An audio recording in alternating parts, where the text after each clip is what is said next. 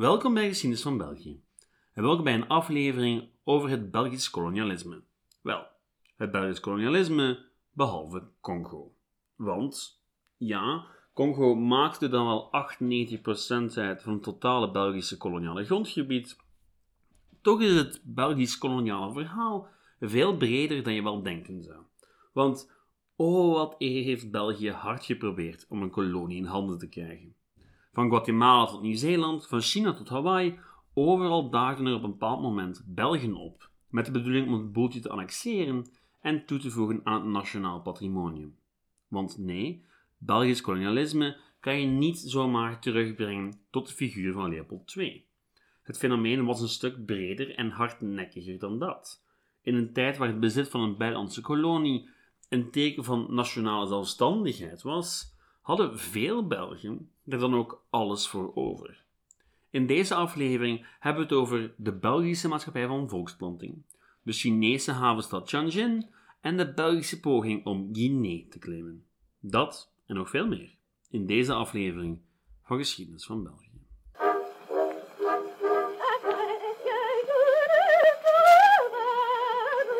Vandaag heb ik het dus helemaal niet over Congo. Wie daar wel in geïnteresseerd is, verwijs ik graag door naar de aflevering over de Congo-Vrijstaat. Vandaag hebben we het vooral over alles wat eraan vooraf ging. Want die koloniale honger van het jonge België, dat is toch wel een dingetje. En die had veel te maken met de leeftijd van het land in de 19e eeuw.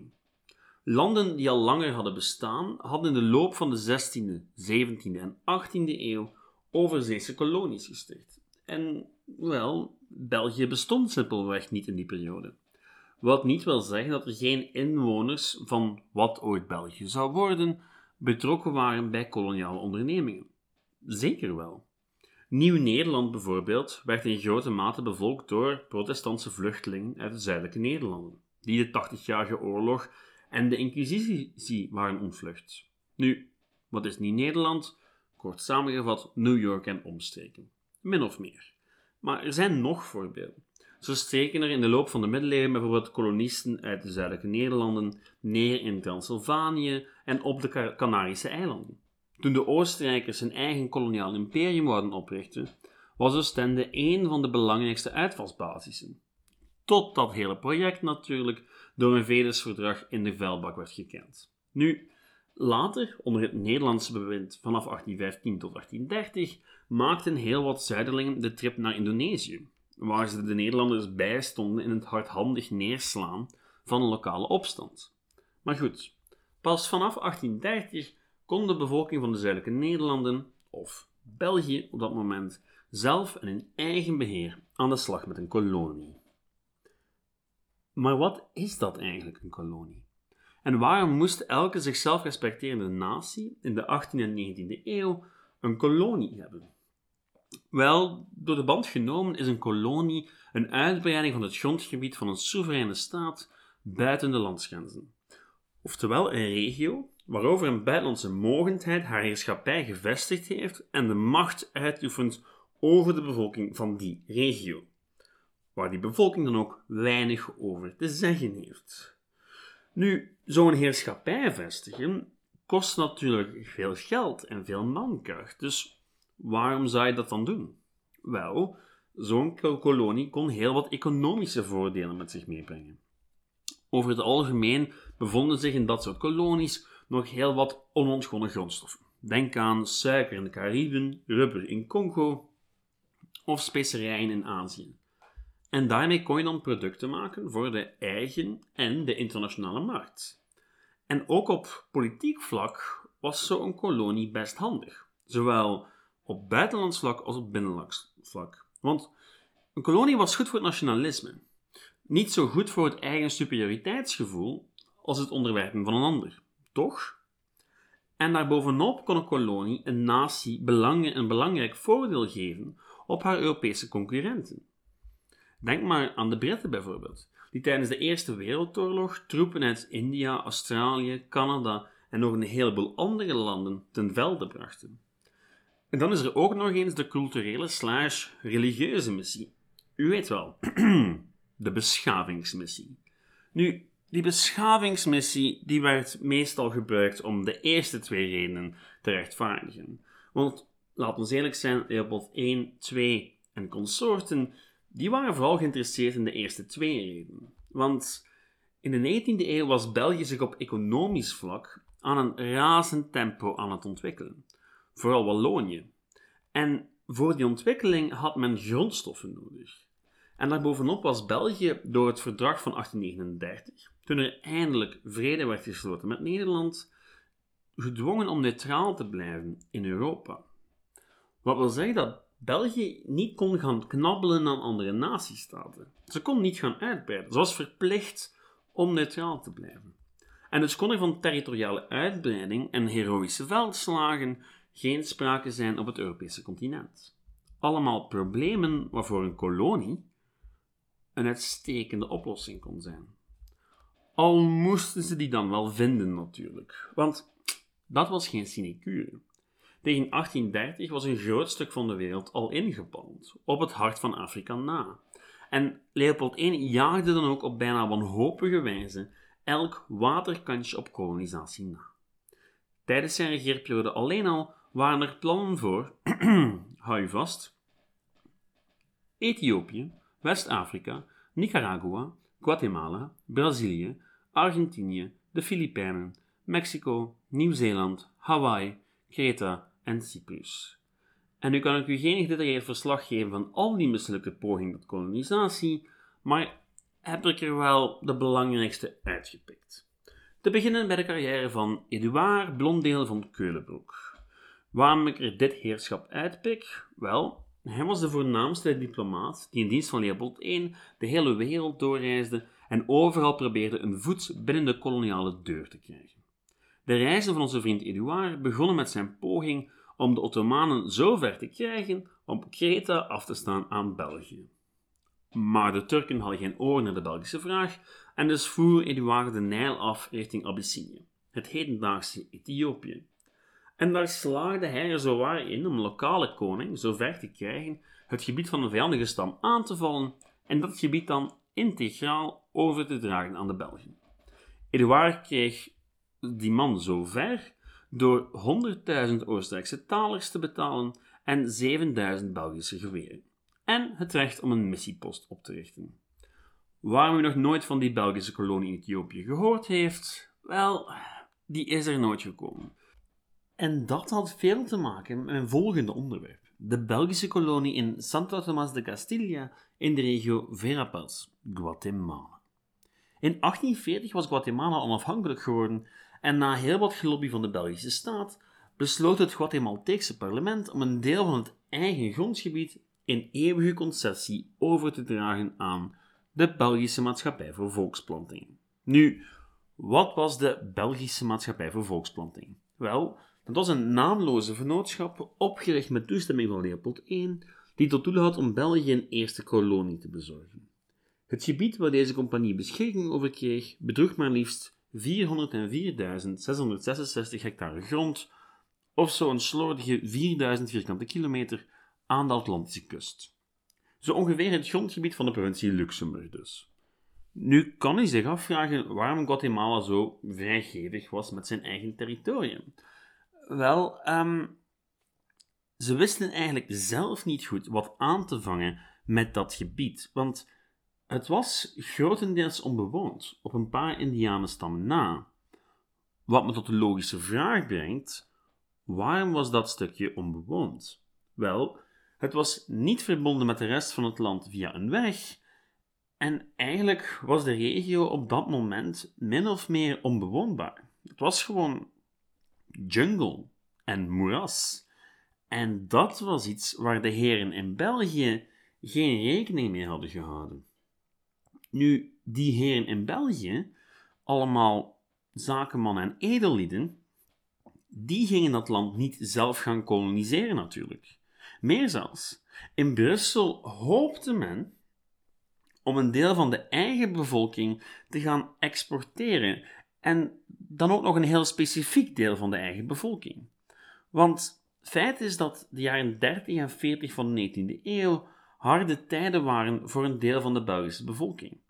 zij die niet op de kar van de industrialisering waren gesprongen en het platteland moesten wijken voor grootgrondbezitters, bleven vaak haveloos achter.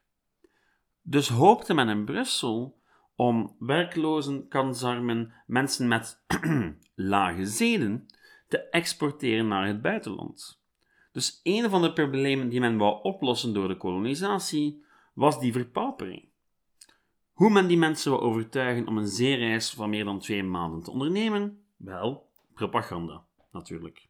Gedurende de jaren 40 werden Belgische kranten bestookt met zogezegde brieven uit de kolonie, waar nooit melding gemaakt werd van ziektes, maar steeds een prachtig beeld van de kolonie werd voorgespiegeld. Er werd zelfs een liedje bedacht, uh, in het Gens in dit geval.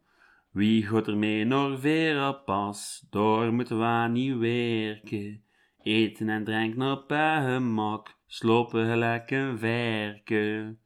Nu is uw kennis van het Gens misschien niet super, maar ja, er werd een heel mooi beeld voorgesteld van Verapas. Eentje waar je niet moest werken. En het mag dan ook niet verbazen dat die aanpak heel wat mensen naar onbekende verten wist te lokken. Maar de werkelijkheid, ja, die was een stuk minder rooskleurig. In maart 1843 vertrok een eerste konvooi met kolonisten naar Zuid-Amerika. Excuseer, Centraal-Amerika. Wat ze daar vonden was geen paradijs, maar een volledig onontgonnen gebied. Wat op zich geen gigantische ramp had moeten zijn, als de kolonisten ook maar enig idee hadden van waar ze aan begonnen waren. Men wist niet hoe voedsel te bewaren in die omstandigheden, of hoe om te gaan met muskieten of ziektes zoals malaria. En bijgevolg stierf een groot deel van de eerste kolonisten al snel na aankomst. En het plan om, Saint van Saint-Thomas een onafhankelijke kolonie te maken, ja, dat bleek onhaalbaar. Meer zelfs, al snel bleek dat het met de financiën van de compagnie ook niet goed zat. De vicepresident, graaf Theophile van Hompesch, belandde zelfs in de cel. En tegen 1845 was de kolonisatiemaatschappij failliet. Al bleven er tot 1847 hoopvolle kolonisten de reis richting Guatemala maken. Want zo slecht was de situatie nu eenmaal in bepaalde stukken van België. Maar goed, in 1855 trok Guatemala de rechten in en werden de laatste kolonisten die dat waren gerepatrieerd. En zo eindigde het eerste echte serieuze Belgische koloniale project in mineur. En vandaag de dag rest er nog maar weinig van de kolonie. Enkele families in Saint-Thomas met Belgische achternamen en een kerkhof vol Belgen. Want uiteindelijk zou zo een kleine 600 man naar Guatemala trekken en een derde zou gerepatrieerd worden, een derde zou blijven en een derde stierf. Dus een redelijk desastreus verhaal. En achteraf gezien mag het niemand verbazen dat de kolonie faalde, want men had geen idee hoe om te gaan met de fauna en flora van de streek, en had dan ook geen idee hoeveel mankracht het zou kosten om wegen aan te leggen. Dus ja, men bleef maar kolonisten aanvoeren, maar wist eigenlijk niet wat ermee te doen. Nu goed, Santo Thomas mocht dat wel overduidelijke mislukking zijn. In 1847 besloot Leopold I een tweede poging te maken. In wat nu Guinea is, aan de westkust van het Afrikaanse continent. Ehm, nu, ik zeg hij, maar feit is dat het in Guinea vooral ging om zakenlui die winst hadden geroken en uiteindelijk de koning zo ver tegen hem te, hen te ondersteunen. Dus vertrok in 1847 de Belgische schoener Louise Marie naar de monding van de Rio Núñez. Aan de oevers van deze rivier sloot de Belgische vertegenwoordiger een akkoord met de chef Lamna Tawel van de Nalu. Nu, die Nalu waren ondertussen al in aanraking gekomen met de Fransen en de Engelsen, de twee andere koloniale machten in de regio. En ja, dat was niet bepaald een positieve ervaring geweest. En het liet dus ruimte voor de Belgen om die stammen aan hun kant te krijgen. En na de nodige onderhandeling wist de lokale afgevaardigde van Leopold I een stuk grond te bemachtigen van 60 vierkante kilometer. Met de onvoorwaardelijke steun van de NALU. Nu, natuurlijk stopten de ambities van Leopold I niet bij 60 vierkante kilometer. Al vlug probeerde men het ook met een andere stam op een akkoordje te gooien, de Landuma. Maar daar werd men geconfronteerd met een probleem waar ook Leopold II mee te maken zou krijgen. Dat België nu eenmaal een klein land was met relatief weinig slagkracht in de internationale politiek. En dat als twee grootmachten op hetzelfde grondgebied azen, België waarschijnlijk aan het kortste eind zal trekken. Het hele Rio Núñez-verhaal verklaart ook waarom Leopold II in 1885 zo zijn best deed om alle grootmachten mee aan boord te krijgen en hen tegen elkaar uitspeelde. Want dat was in 1848 en 1849 niet gelukt. Meer zelfs het koloniale avontuurtje in Guinea had België in een oorlog met Groot-Brittannië kunnen doen belanden. En, wel, dat zou een ramp geweest zijn. Hoe kwam dat? Wel, de Lunduma hadden het op een akkoordje gegooid met twee Britse handelaars, die hen rum en wapens hadden verkocht. Dit tot grote frustratie van Franse handelaars, die plots lastiggevallen werden door de Lunduma. En wat deden die Fransen? Wel, die vroegen hulp aan hun Belgische vrienden. Belgische vrienden die even goed hun blik hadden laten vallen op de gebieden van de Landuma. Bij gevolg viel een Frans-Belgische alliantie op 24 maart 1849 Bokeh aan, de hoofdplaats van de Landuma, en staken ze het plaatsje in brand, inclusief de handelswaaier van de Britten. Gelukkig voor België kwam het niet tot een oorlog met de Britten, maar ironisch genoeg hielp het incident de Fransen om begrip te krijgen op het gebied. En op termijn ja, was dat kleine Belgische kolonietje volledig omcirkeld door de Fransen en kon België weinig anders dan het gebied aan de Fransen te laten. Wat betekent dat ook die actie in Guinea mislukte. En dat zijn nog de acties waar België echt voet aan de grond kreeg. Verder was het ja, veel gepalaver en diplomatie, maar weinig actie. En het waren die mislukte pogingen die ervoor zorgden dat België het idee van een eigen kolonie liet varen, halverwege de 19e eeuw. Nu, ik zeg België, ik bedoel daarmee de Belgische staat, niet het Belgisch Koningshuis. Want het is geen toeval dat Leopold II van Congo een privé-kolonie moest maken. Feit is dat de Belgische overheid te veel mislukkingen had gezien om zich nogmaals in een duur avontuur te storten. Tot Leopold II er natuurlijk zo een boeltje van maakte dat de grootmachten hem dwongen om Congo over te dragen aan de Belgische staat. Nu, Congo was aan het begin van de 20e eeuw niet het enige Belgische overzeese gebied. De laatste casus van vandaag is die van de Belgische concessie in Tianjin. China mag vandaag dat wel een onverwoestbare grootmacht lijken, vroeger was dat heus wel anders. Tegen het einde van de 19e eeuw was het Chinese keizerrijk zodanig verzwakt dat het volledig overgeleverd was aan westerse mogendheden. En die mogendheden eisten om de haverklap grondgebied op dat hen in pacht werd afgestaan. Aan het begin van de 20e eeuw had zowat elke sterke natiestaat bepaalde gebieden in China onder hun controle. Vooral in grote handelssteden zoals Shanghai en, jawel, Tianjin.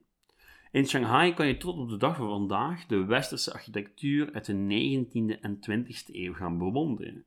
En het is werkelijk wonderlijk om Britse en Franse klassicistische architectuur naast elkaar te zien, net als Amerikaanse wolkenkrabbers uit de jaren 20. Met aan de overkant van de rivier dan het moderne Shanghai. Nu, genoeg over Shanghai. Die Belgische concessie die bevond zich in Tianjin. Tianjin ligt in het noorden van het land en is de haven het dichtste bij Beijing. En België kon daar vanaf 1902 over een heel klein lapje land beschikken naast de rivier Haihe. En waar hielden die Belgen zich mee bezig? Wel het introduceren van nieuwe technologieën, elektriciteit en trams. Over hoe België aan het einde van de 19e eeuw wereldwijd een van de belangrijkste exporteurs van trams werd, daar heb ik het later nog wel over. Maar in elk geval was Tianjin de eerste Chinese stad met een eigen elektrisch tramnetwerk. Maar uiteindelijk zou ook die Belgische concessie in Tianjin verdwijnen in 1931. En daarmee rond ik dit verhaal hier af. Er valt nog wel wat te zeggen over privé-initiatieven in Egypte en elders, maar het Belgisch staatskolonialisme heb ik ondertussen wel gehad. Op Rwanda-Burundi na, maar dat is een aflevering voor een andere keer. In elk geval, bedankt voor het luisteren. Wilt u meer weten over de Belgische kolonies? Dan kan ik in elk geval een documentaire uit 2002 aanraden, Tune Verrapa Verrapas, over Santa Thomas. Iets wat gedateerd, maar een fascinerende blik op een van de eerste Belgische pogingen tot kolonisatie en op de enkelingen die er nog rondlopen met Belgisch bloed in de aderen. U kan me zoals altijd terugvinden op Facebook of een mail sturen naar geschiedenisvan.outlook.be. Bedankt en tot volgende week. Dan hebben we het over de stad Brussel. Oh ja. Tot dan. Ciao.